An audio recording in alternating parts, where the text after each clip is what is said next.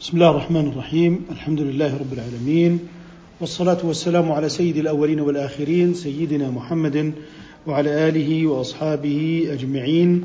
نحن في هذا اليوم الأحد الخامس والعشرين من شهر صفر لسنة أربعين وأربعمائة وألف للهجرة الموافق الرابعة من شهر تشرين الثاني لسنة ثمان عشرة وألفين للميلاد. آه، نحن ما زلنا آه، مع آه، ابن أبي زيد القيرواني مالك الصغير في قراءة باكورة السعد يقرأ علينا الطالب عامر أحمد من عند قوله رحمه الله تعالى وتقتل المرأة بالرجل.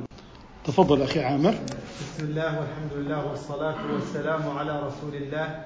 قال المصنف رحمه الله تعالى نفعنا الله به وبكم في الدارين آمين. وتقتل المرأة بالرجل والرجل بها ويقتص لبعضهم من بعض في الجراح. ولا يقتل عبد ولا يقتل حر بعبد ويقتل به العبد. ولا يقتل مسلم بكافر ويقتل به الكافر. ولا قصاص بين حر وعبد في جرح ولا بين مسلم وكافر. جزاك الله خيرا وبارك الله فيكم. يتحدث المصنف هنا عن قتل المرأة بالرجل آه، وهي مصداق لقوله تعالى وكتبنا عليهم فيها أن النفس بالنفس. وهنا تقتل المرأة بالرجل فمن قتل امرأة متعمدا فلأهلها حق القصاص وحق القصاص يكون للعصبة.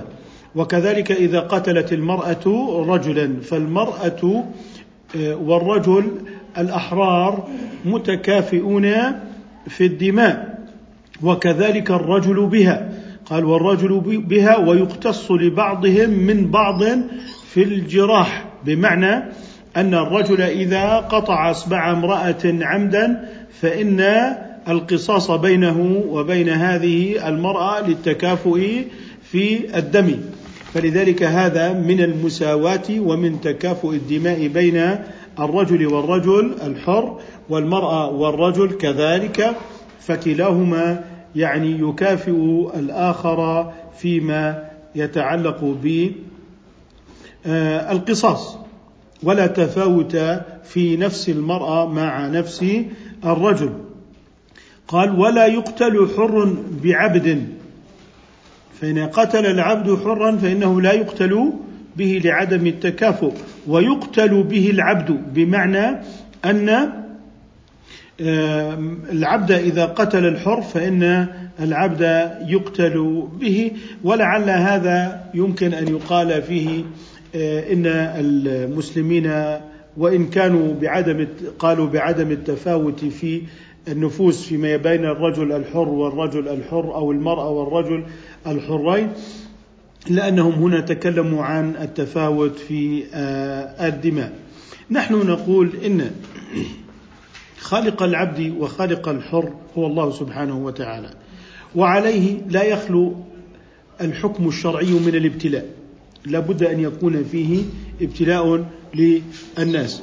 ولذلك من أراد أن يتكلم في ما يتعلق بذلك فإن الإسلام قد ساوى في آه، الحد بين العبد والحر فإذا قتل الحر العبد غيلة أو من باب الحرابه فإنه يقتل به. وعليه فالشريعة لم تفرق من كل وجه ولم تساوي من كل وجه. لكن فيما يتعلق بالإنسانية اليوم أنت تلاحظ في هذا الواقع الذي نعيشه أن هناك تصنيفا للإنسانية باعتبار الجنسية. فإذا جئت من وراء البحار مجتازا هذا البحر المتوسط فعندئذ إذا دخلت ووصلت إلى آه، عالم الأحلام والعالم الحر هذا يعني أن توضع في مستودع كبقية الأدوات وكبقية الأشياء والسلع انتظارا إلى أن إما أن يفرج عنك فتخرج من هذا المستودع الذي يعني يكون عبارة عن حظيرة باسم أنك لاجئ وإما أن تعاد من حيث أتيت وإما أن ينتظر يعني أن تموت في البحر قبل أن تصل. لذلك نحن في هذا الواقع لا يحق له آه، لمن يسمي نفسه العالم الحر أن يحتج وأن يتذرع بموضوع تساوي النفس الإنسانية فهو أعاد إنتاج القبيلة على شكل الجنسية وقسم البشرية على وفق هذا الانتماء وعلى وفق القوم وعلى وفق الدم وبالتالي تم التصنيف على ضوء ذلك. وكثير من أولئك العساكر والجنود محميون أصلا من المثول أمام المحاكم الجنائية الدولية. آه، آه، في وجه من؟ ظلموهم وقتلوهم فيما وراء البحار من الناس البريئين أو المدنيين الذين لا علاقة لهم بالحرب مع أن الذي أقام هذه المحكمة الدولية هو من منع مثول عساكره أمام هذه المحكمة. وبالتالي موضوع الحديث عن آه، التساوي في النفس الإنسانية أو التفاوت في النفس الإنسانية أو فيما يتعلق بحقوق الإنسان آه، على هؤلاء أن يدعوه جانبا فليسوا أهله وليسوا ممن يجدر بهم أن يتكلموا عن الإنسانية. فأبشع الحروب التي خيضت في القرن الماضي كانت من الدولة في الفكر اللاديني وما جرى من نكبات للإنسانية. لم يكن ليحدث في مر التاريخ السابق وعليه نحن آه، نعلم من هم الذين يحرسون الإنسانية. لا يحرس الإنسانية إلا رب العباد سبحانه وتعالى. وانظروا إلى ما قلنا في القتل غيلة وفي حد الحرابة أن أنه حد من حدود الله. حتى لو أسقطه أهل المجني عليه فإنه لا يسقط عند الله. وهذه هي قمة ومنتهى العدالة. في قوله أيضا ولا يقتل مسلم بكافر طيب الآن دولة المواطنة تقوم على أساس أن الجميع متساوون في الحقوق والواجبات وعليه لا تمييز في الدماء بين فلان وبين فلان. الآن هذا الانتماء الذي هو أصبح مقدسا كيف تشكل؟ كيف تتشكل الدولة في الفكر اللاديني في العالم الحديث؟ هي تتشكل بناء على خريطة الحرب.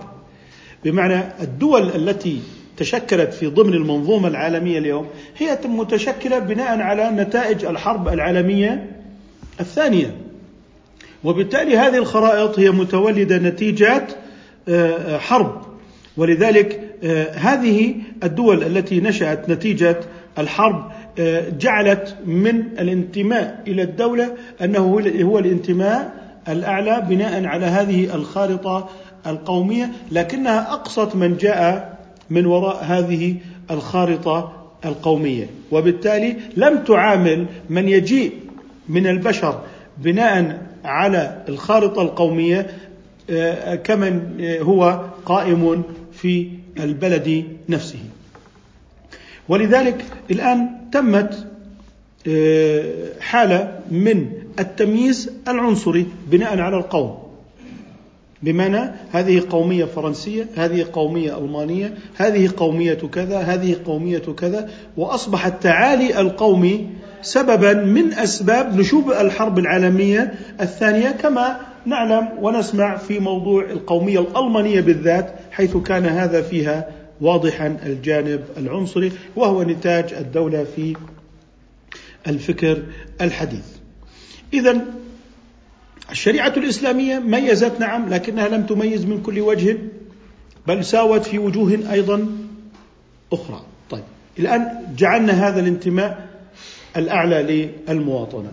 الآن في جميع الدول كيفية الحصول على المواطنة بند من بنودها إيداع أموال بند من بنودها استثمار. إذا أنت الآن تعيد وتسلع هذه المواطنة. بالأمس كنت تقول للفقراء موتوا من أجل الوطن. الآن هناك من يأتي بالملايين ويستفيد من هذا الوطن ويمتص خيراته بما يمتلك من رأس مال ويكتسب الانتماء لهذه الدولة ويشتري هذه المواطنة بأمواله بحيث أصبحت الوطنية للفقراء أما الوطن فهو للأغنياء. وأين المساواة في هذا؟ بمعنى أنك تريدني أن أموت من أجل المواطنة ثم بعد ذلك تسلع المواطنة وتبيعها في آه، سوق الجنسيات ثم تمنح هذه الحقوق لمن يملك مالا. فإن جاءك ومعه المال فتفتح له المصاريع والأبواب. أما إذا جاءني فقيرا معدما وهو أحوج ما يكون إلى مساعدة فلا بد أن يفتح له الحظيرة والمستودع لأنه لاجئ. اذا هو تقييم اقتصادي للإنسان وتقييم أيضا للانتماء. اذا أنا لا يوجد عندي مال حتى أكون مواطنا صالحا في هذه البلدة.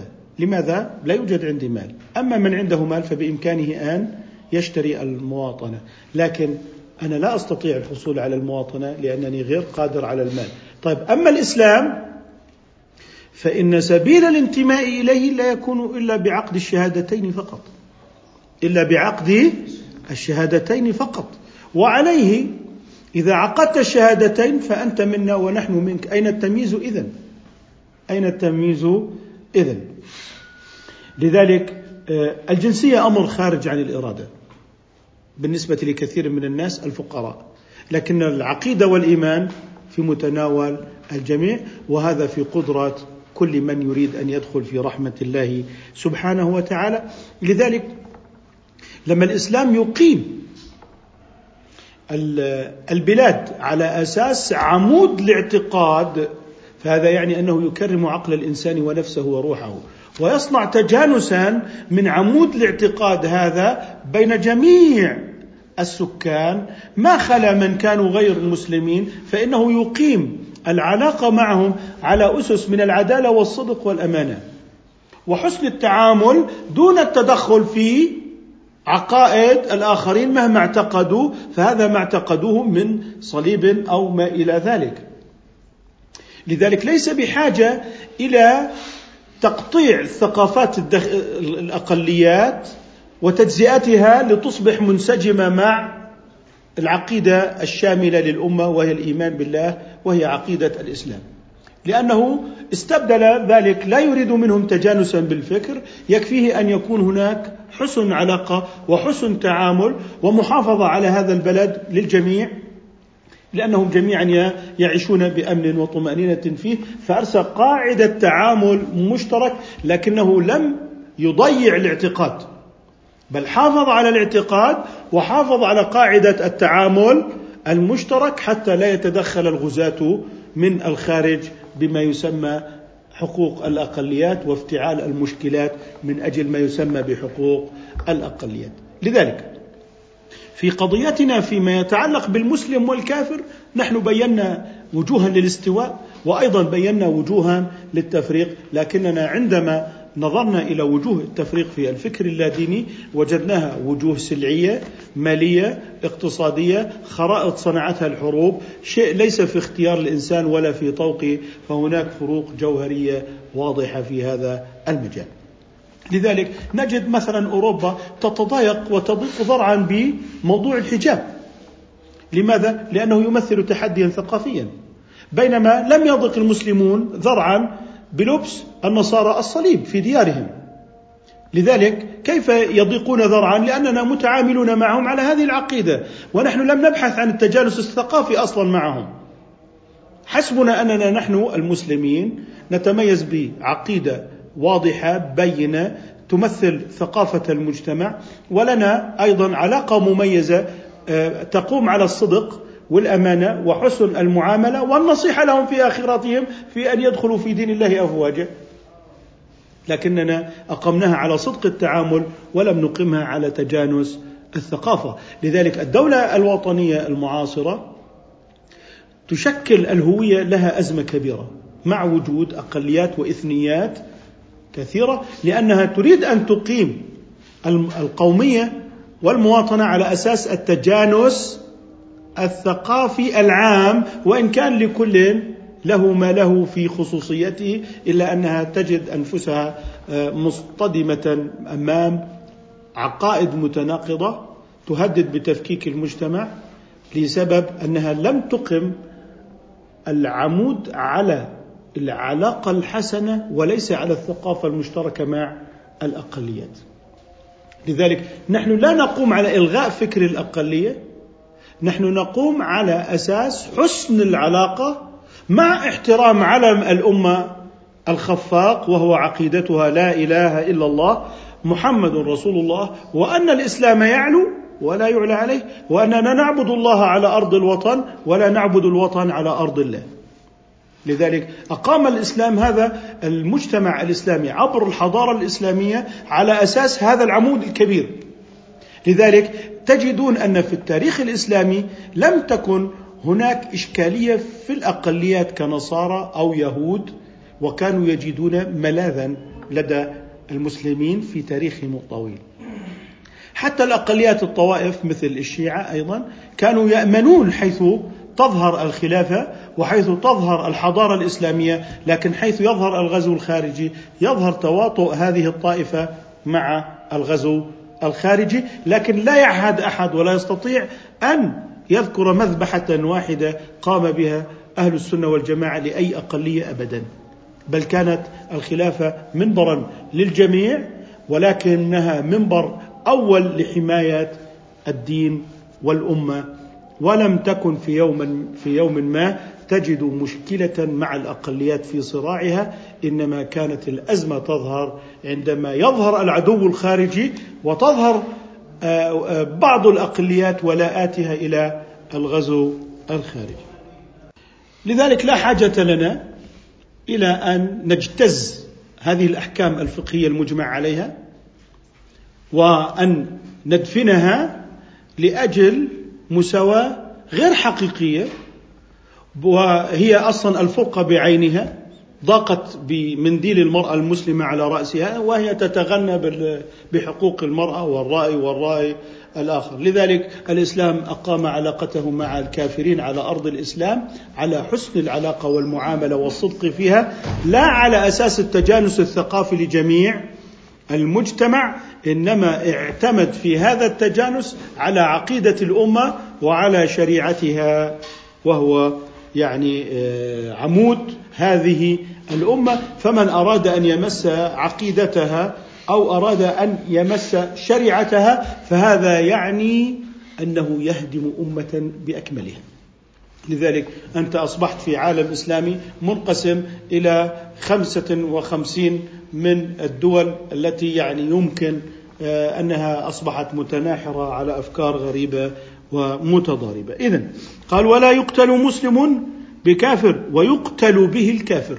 ويقتل به الكافر لقوله تعالى ألا له الخلق والأمر. فهو خلق الكافر وخلق المسلم ويوم الدين سنحاسب على ما أنزله الله إلينا لا على أساس المواثيق البشرية والدنيوية.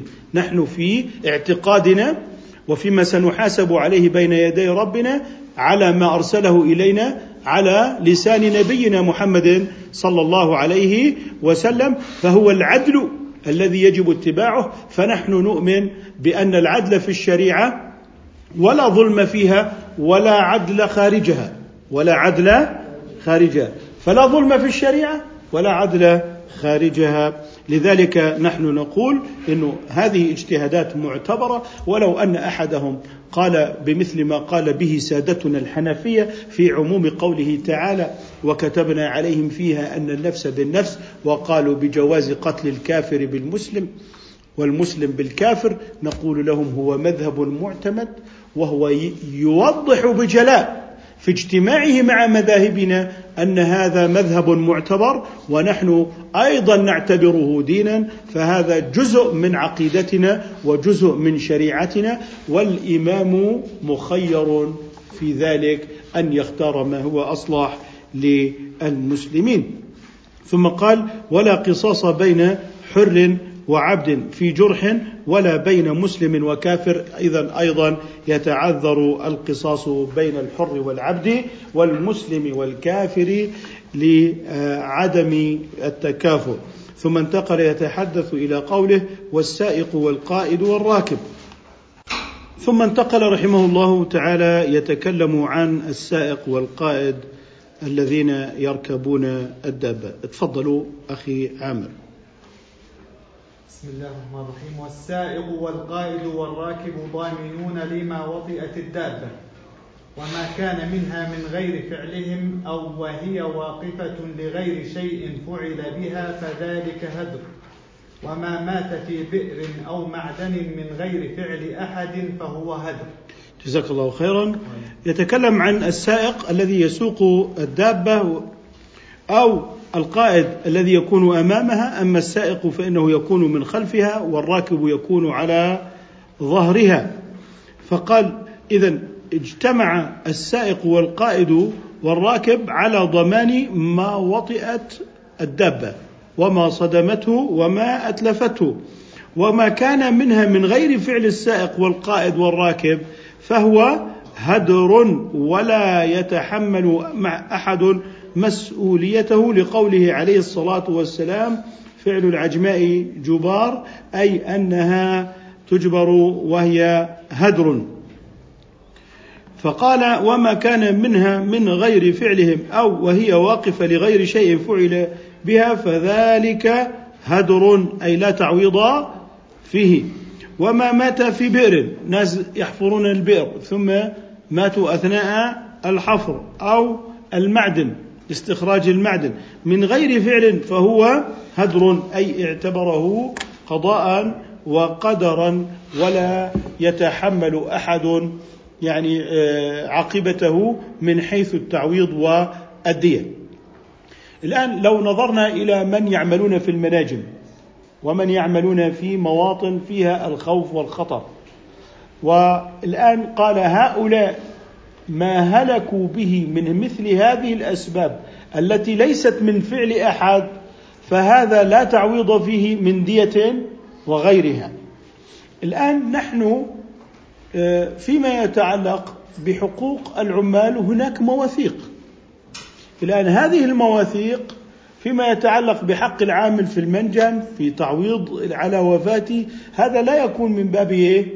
الدية لا يكون من باب الدية إنما هو من باب اللي إحنا نقول إنه هذا العامل في هذا الخطر والدولة يعني تستخدم هذا العامل ليأتي بمورد للجميع. حدث حادث دون تقصير من مهندس أو دون تقصير من الدولة. نقول عندئذ في هذه الحالة آه، بناء على الأصل الشرعي أنه لا يوجد أي تعويض من حيث الدية. لكن إذا الإمام قرر تشجيعا لهؤلاء العمال ولدخول مراحل الخطر والتعويض عن خطورة العمل وما إلى ذلك سواء بالتعويض الجزئي للأضرار الجزئية أو بالتعويض الكامل لتلف الجسد في مثل هذه الظروف نحن نقول إن هذا الإمام له ولاية عامة على الأمة وله صلاحية فيما يتعلق بالتعويض وجبر الضرر الذي وقع بأهل هذا الإنسان المتوفى ثم انطلق يتكلم عن تنجيم الدية على العاقلة. ولكن السؤال الآن هل الدابة كالسيارة من كل وجه؟ نقول لا. فالدابة آه، في قيادتها لا تنقاد دائما كما تنقاد السيارة من حيث كون السيارة أكثر طواعية من الدابة. وبالتالي من حيث سيطرة الراكب على السيارة أكثر من سيطرة راكب الدابة على الدابة وبالتالي هذا يعني أننا نرتب عليهم مسؤولية كمسؤولية الدابة وتزيد لماذا؟ لأن هذه السيارة هي طيعة في موضوع يعني آه، انقيادها لقائدها وسائقها وإن كانت من حيث بعض الفروق مختلفة. يعني يمكن أن يدعي صاحب الدابة شموس هذه الدابة لكن لا توجد سيارة شموس مثلا. لكن ممكن سيارة آه، خربت فيها بعض الآلات ولم يصلح صاحب السيارة هذا الخراب وعليه فإن ما حدث هو نتيجة تقصير من صاحب السيارة في عدم إصلاح الكوابح مثلا في هذه السيارة. وعليه لا نقول إن جنايات السيارة التي تركها صاحبها دون أمان معروف بحيث أنه يضع اللي هو آه، السيارة على حالة الأمان من حيث الكوابح من حيث غيار السيارة على الأول اللي هو حالة التعشيق. بحيث أنه هذه السيارة لا يمكن أنها آه، تنزاح وتسقط وما إلى ذلك. بناء عليه أنه التقصير في حالة السيارة أوضح بكثير من موضوع من ربط الدابة وتركها. ثم انتقل رحمه الله تعالى إلى تفصيل الدية في القتل الخطأ بقوله وتنجم الدية. تفضلوا أخي عامر. وتنجم الدية على العاقلة في ثلاث سنين وثلثها في سنة ونصفها في سنتين والدية موروثة على الفرائض وفي جنين الحرة غرة عبد أو وليدة تقوم بخمسين دينارا أو ستمائة درهم. طيب وعندنا يمكن أن نقول غرة عبد أو وليدة. نعم تفضل تابع. وتورث على كتاب الله ولا يرث قاتل العمد من مال ولا دية وقاتل الخطأ يرث من المال دون الدية. وفي جنين الأمة من سيدها ما في جنين الحرة وإن كان من غيره ففيه ففيه عشر قيمتها. ومن قتل عبدا فعليه قيمته. وتقتل الجماعة بالواحد في الحرابة والغيلة. وإن ولي القتل بعضهم. جزاكم الله خيرا وبارك الله فيكم. قال وتنجم الدية. ومع الدية. ومعنى تنجم أي تقسط. هنا يتكلم عن الدية في الخطأ. قال على العاقلة. وقلنا إن العاقلة على حسب الترتيب. هم أهل الديوان. ثم العصبة ثم الموالي. ثم بيت المال. فإن لم يوجد شيء من هذا كانت على الجاني نفسه وإن كان عديما اتبع في ذلك حتى يعني يسدد ما عليه. إذا قال في ثلاث سنين. طبعا إحنا قلنا في موضوع الديوان اللي هم من يتناصرون فيما بينهم فاعتبرنا المدرسين ديوانا والشرطة ديوانا والعسكر أي الجيش ديوانا وهكذا كل قوم بحسبهم بحيث يكونون لهم حقوق وواجبات مشتركة. وقلنا لعل هذا هو الأليق اليوم بسبب عدم وجود القبيلة الممتدة والعصبة التي يمكن أن تتحمل الدية. فتجد هذه التجمعات الكبيرة أولى بالحمل على حمل الدية آه، في حال وجبت على العاقلة. قال في ثلاث سنين متى نبدأ عد الثلاث سنين من وقت ما حكم الحاكم بالدية؟ نبدأ بعد الثلاث سنين. قال ثلثها في سنة. ثلثها في سنة ونصفها في سنتين. وهذا القول وهو أن نصفها في سنتين معتمد أو مبني على قول غير مشهور وهي أنها منجمة على أربع سنين فجعل النصف في سنتين. فجعل النصف في سنتين. والمعتمد أنها في القول المشهور أنها على ثلاث سنين. وطبعا هذا يتكلم فيه عن الدية الكاملة. أما حيث وجب ثلث الدية فهو في سنة. أما نصفها فيقسط على سنتين. وهذا مشهور مبني على غير مشهور. وغير المشهور أنها منجمة على أربع سنين فيكون نصفها في سنتين وهو مشهور مبني على غير مشهور. إذا لدينا في القول بأن الدية مقسمة على ثلاث سنين النصف الثلث في السنة الأولى والنصف في سنتين ويبقى ما بقي في السنة الرابعة. طيب ما هو القول المشهور والمعتمد؟ أنها منجمة على ثلاث سنين أنها منجمة على ثلاث سنين. في قوله والدية سواء كانت عمدا أم خطأ.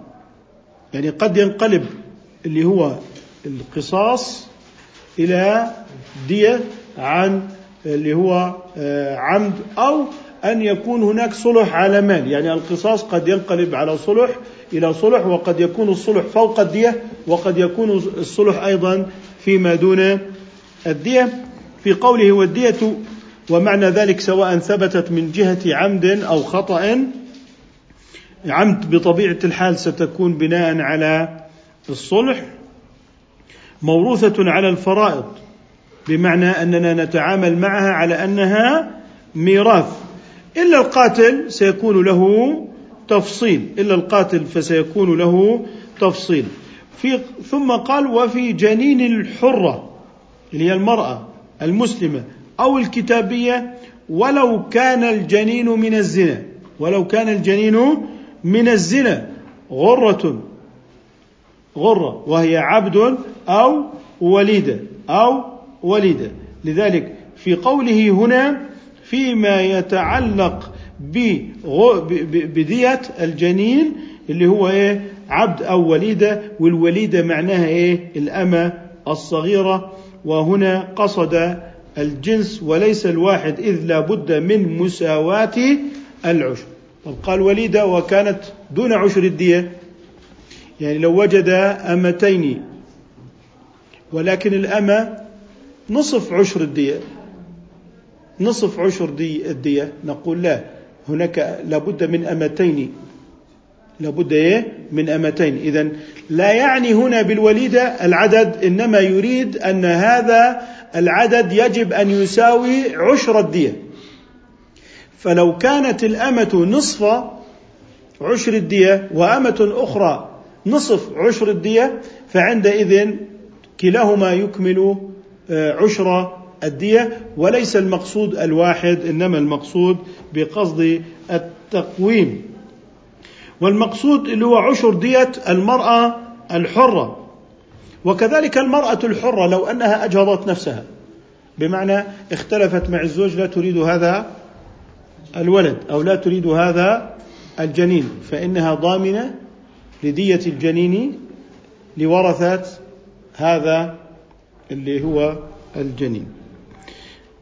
إذا نقول اللي هو عبد أو وليدة تقوم بخمسين دينارا أو ستمائة درهم إذا لاحظ أن التقويم يكون بماذا؟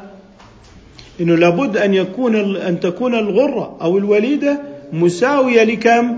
لخمسين دينارا أو لستمائة درهم التي هي عشر التي هي عشر دية الحرة قال وتورث على كتاب الله أي وتورث الغرة وكذلك الأمة أو الخمسين دينارا أو الستمائة درهم على كتاب الله في فرائض الميراث. قال ولا يرث ولا يرث وقاتل العمد.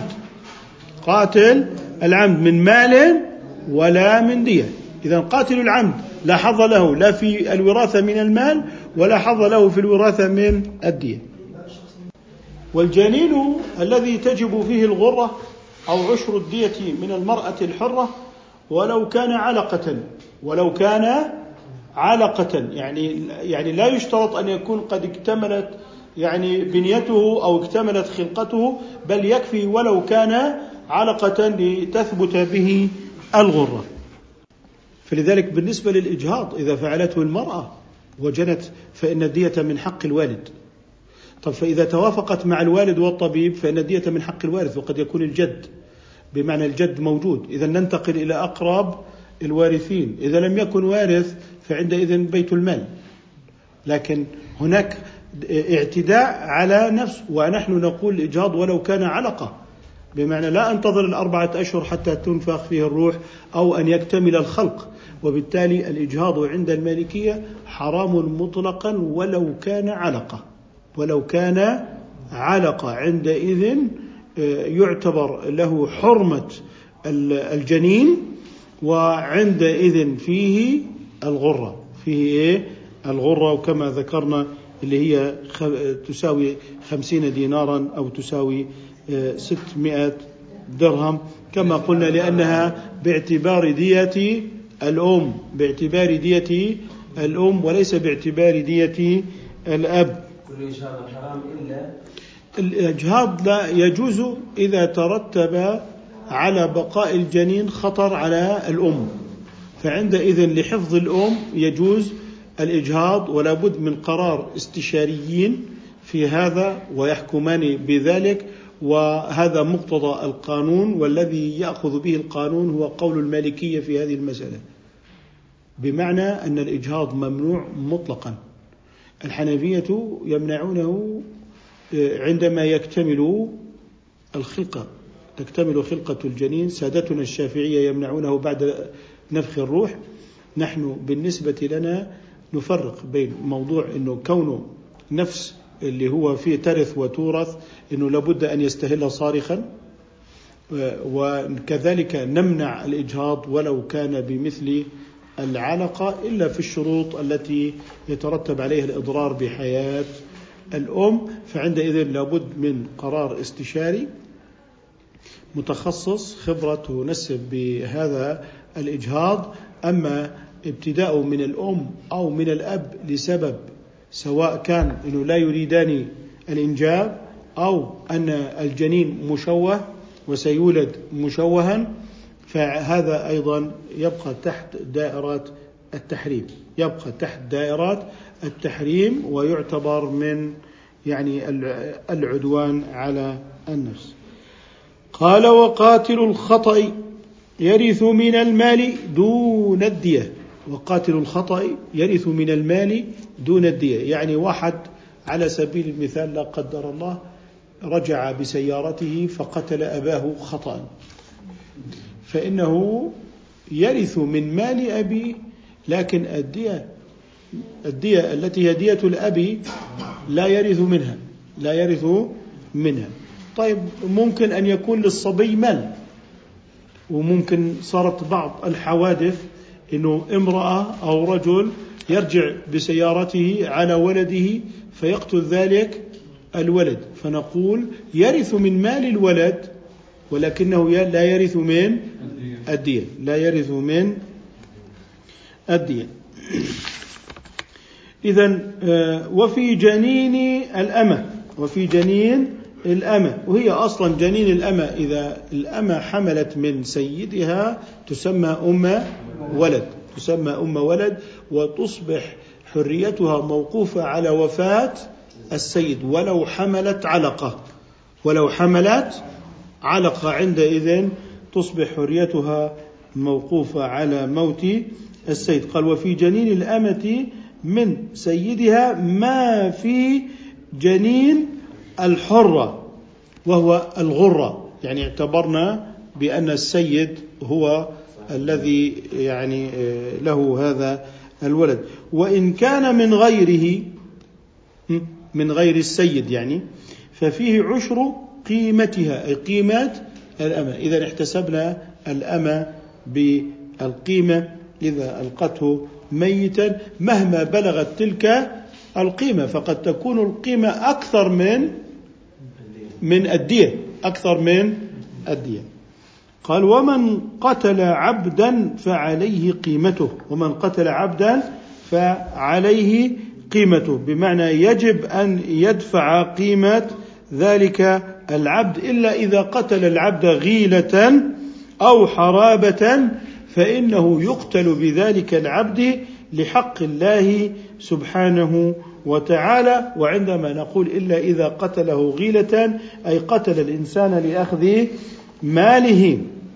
أما إذا قتله حرابة فنقول الحرابة معناها كل فعل يقصد به أخذ مال على وجه تتعذر معه الاستغاثة عادة سواء من رجل أو من امرأة. ويعد مما من ذلك الحرابة.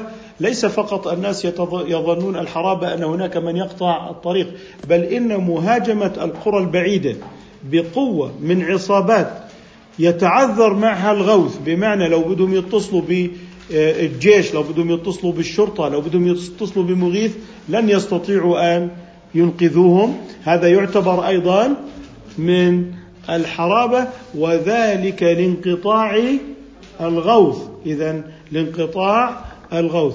طيب الآن لو قلنا خطف الطائرات هل يعتبر من الحرابة أم لا يعتبر من الحرابة؟ إحنا قلنا الحرابة اللي هي إيه؟ لأخذ المال جزء منها لإيه؟ لأخذ المال وإحنا بنعرف إنه خطف الطائرات ما بيكون لأخذ المال لكن ذاك ما درج عليه الفقه وما رآه أنه كان من أجل أخذ المال. الآن نطرح سؤال كبير على البحث العلمي إنه خطف هذه الطائرات أو الإغارة على القرى الآمنة البعيدة عن الإغاثة لو أنه تم من أجل أسباب سياسية لأجل تشويه الدولة لأجل إنه الدولة تقوم بها لتشويه جماعة معينة مثلا أو ما إلى ذلك مما يمكن أن يسمع في هذا العالم الذي نعيشه بحيث أصبح الجميع يستبيح كل وسيلة لأجل تحقيق انتصار إعلامي أو سياسي ولو كان ذلك بارتكاب الفظائع وإلحاق هذه الفظائع بالخصوم. فلذلك إحنا بنقول الطائرة ينقطع معها الغوث لكن ممكن تقول في أمن طائرات. ها الغوث ممكن لكن نقول ماذا يفعل أمن الطائرات وقد يعني وصل إلى حالة إنه لا يستطيع أن يستخدم فيها السلاح مع هؤلاء الخاطفين لما يترتب عليه من هلاك الطائرة وهلاك في من فيها من الناس وهلاك من فيها من الناس وبالتالي في هذا الجو قد انقطع الغوث كبقية القرى البعيدة كبقية القرى البعيدة. لذلك موضوع إنه لابد أن يكون لأخذ المال. نحن نقول في الحرابة هي من الفساد في الأرض وعلتها الفساد في الأرض. لكننا عندما نظرنا ورأينا وقلنا إن هذا الفساد كان من أجل أخذ المال ووضعنا هذا القيد في التعريف. فهل هو قيد بمعنى شرعي؟ ثابت بالشرع لا يجوز لنا أن نتجاوزه وعليه يجب أن نستمسك به أم أن المناط في هذه القضية هو الإفساد في الأرض ولو لم يكن لأجل قضية المال؟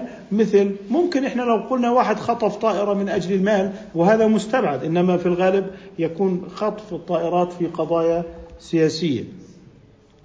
آه، لذلك نحن بحاجة إلى بحث ذلك. إنه هل آه، في التعريف هو أخذ المال جرى بناء على واقع معين؟ وعليه هذا الواقع الذي شاهده فقهاؤنا الأجلاء؟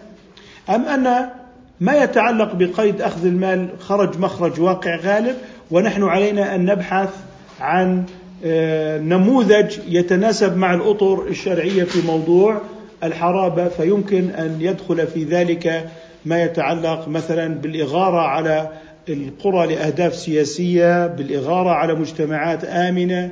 هل يعتبر آه، مثلا التفجير خفية إنه أنت بتترك الأمر لأجل قضايا سياسية في شوارع الأبرياء والمعصومين والناس الآمنين؟ هل تعتبر هذا من الحرابة أم لا تعتبره من الحرابة؟ قال وتقتل الجماعة بالواحد في الحرابة. تقتل الجماعة بالواحد في الحرابة. يعني عشرة موجودون ولكن قام بمباشرة القتل واحد لكنهم مشتركون ومتعاونون في الحرابة فيقتل العشرة وإن لم يكونوا مباشرين لأنهم متمالئون ولأنهم متحاملون فيما بينهم على ذلك. وكذلك في الغيلة. يعني لاحظ إنه إحنا اعتبرنا الغيلة قتل الرجل لأجل ماله اعتبرناها حرابه صح؟ لكنها ليست خارج البلد. ليست خارج البلد. وهذا يعني يدعونا أيضا إلى مزيد من النظر والتأمل في موضوع إنه الحرابة اللي متصورة في أذهاننا دائما أنها قطع الطريق في الخارج. وإن ولي القتل بعضهم يعني بمعنى إنه لابد أن يقتل الجميع وذلك يستدل به بقوله تعالى إذ انبعث أشقاها. من الذي باشر قتل الناقة؟ واحد. ثم بعد ذلك عاقب الله الجميع بقوله تعالى فدمدم عليهم ربهم بذنبهم فسواها أي سوى العقوبة ونحن نرجح معنى سوى العقوبة لأن العقوبة هي المذكورة أما سوى الأرض فلم يسوي الأرض يعني قوم ثمود لم يأتهم ما يسوي أرضهم ويقلبهم كما حدث لقوم لوط إنما يعني يتعين حمل فسواها على إيه؟ على العقوبة أي فسوى العقوبة. ثم انطلق يتحدث عن قوله اللي هو إيه؟ وكفارة القتل الخطأ. نكتفي بهذا القدر إن شاء الله تعالى. سبحانك اللهم وبحمدك. نشهد أن لا إله إلا أنت. نستغفرك ونتوب إليك.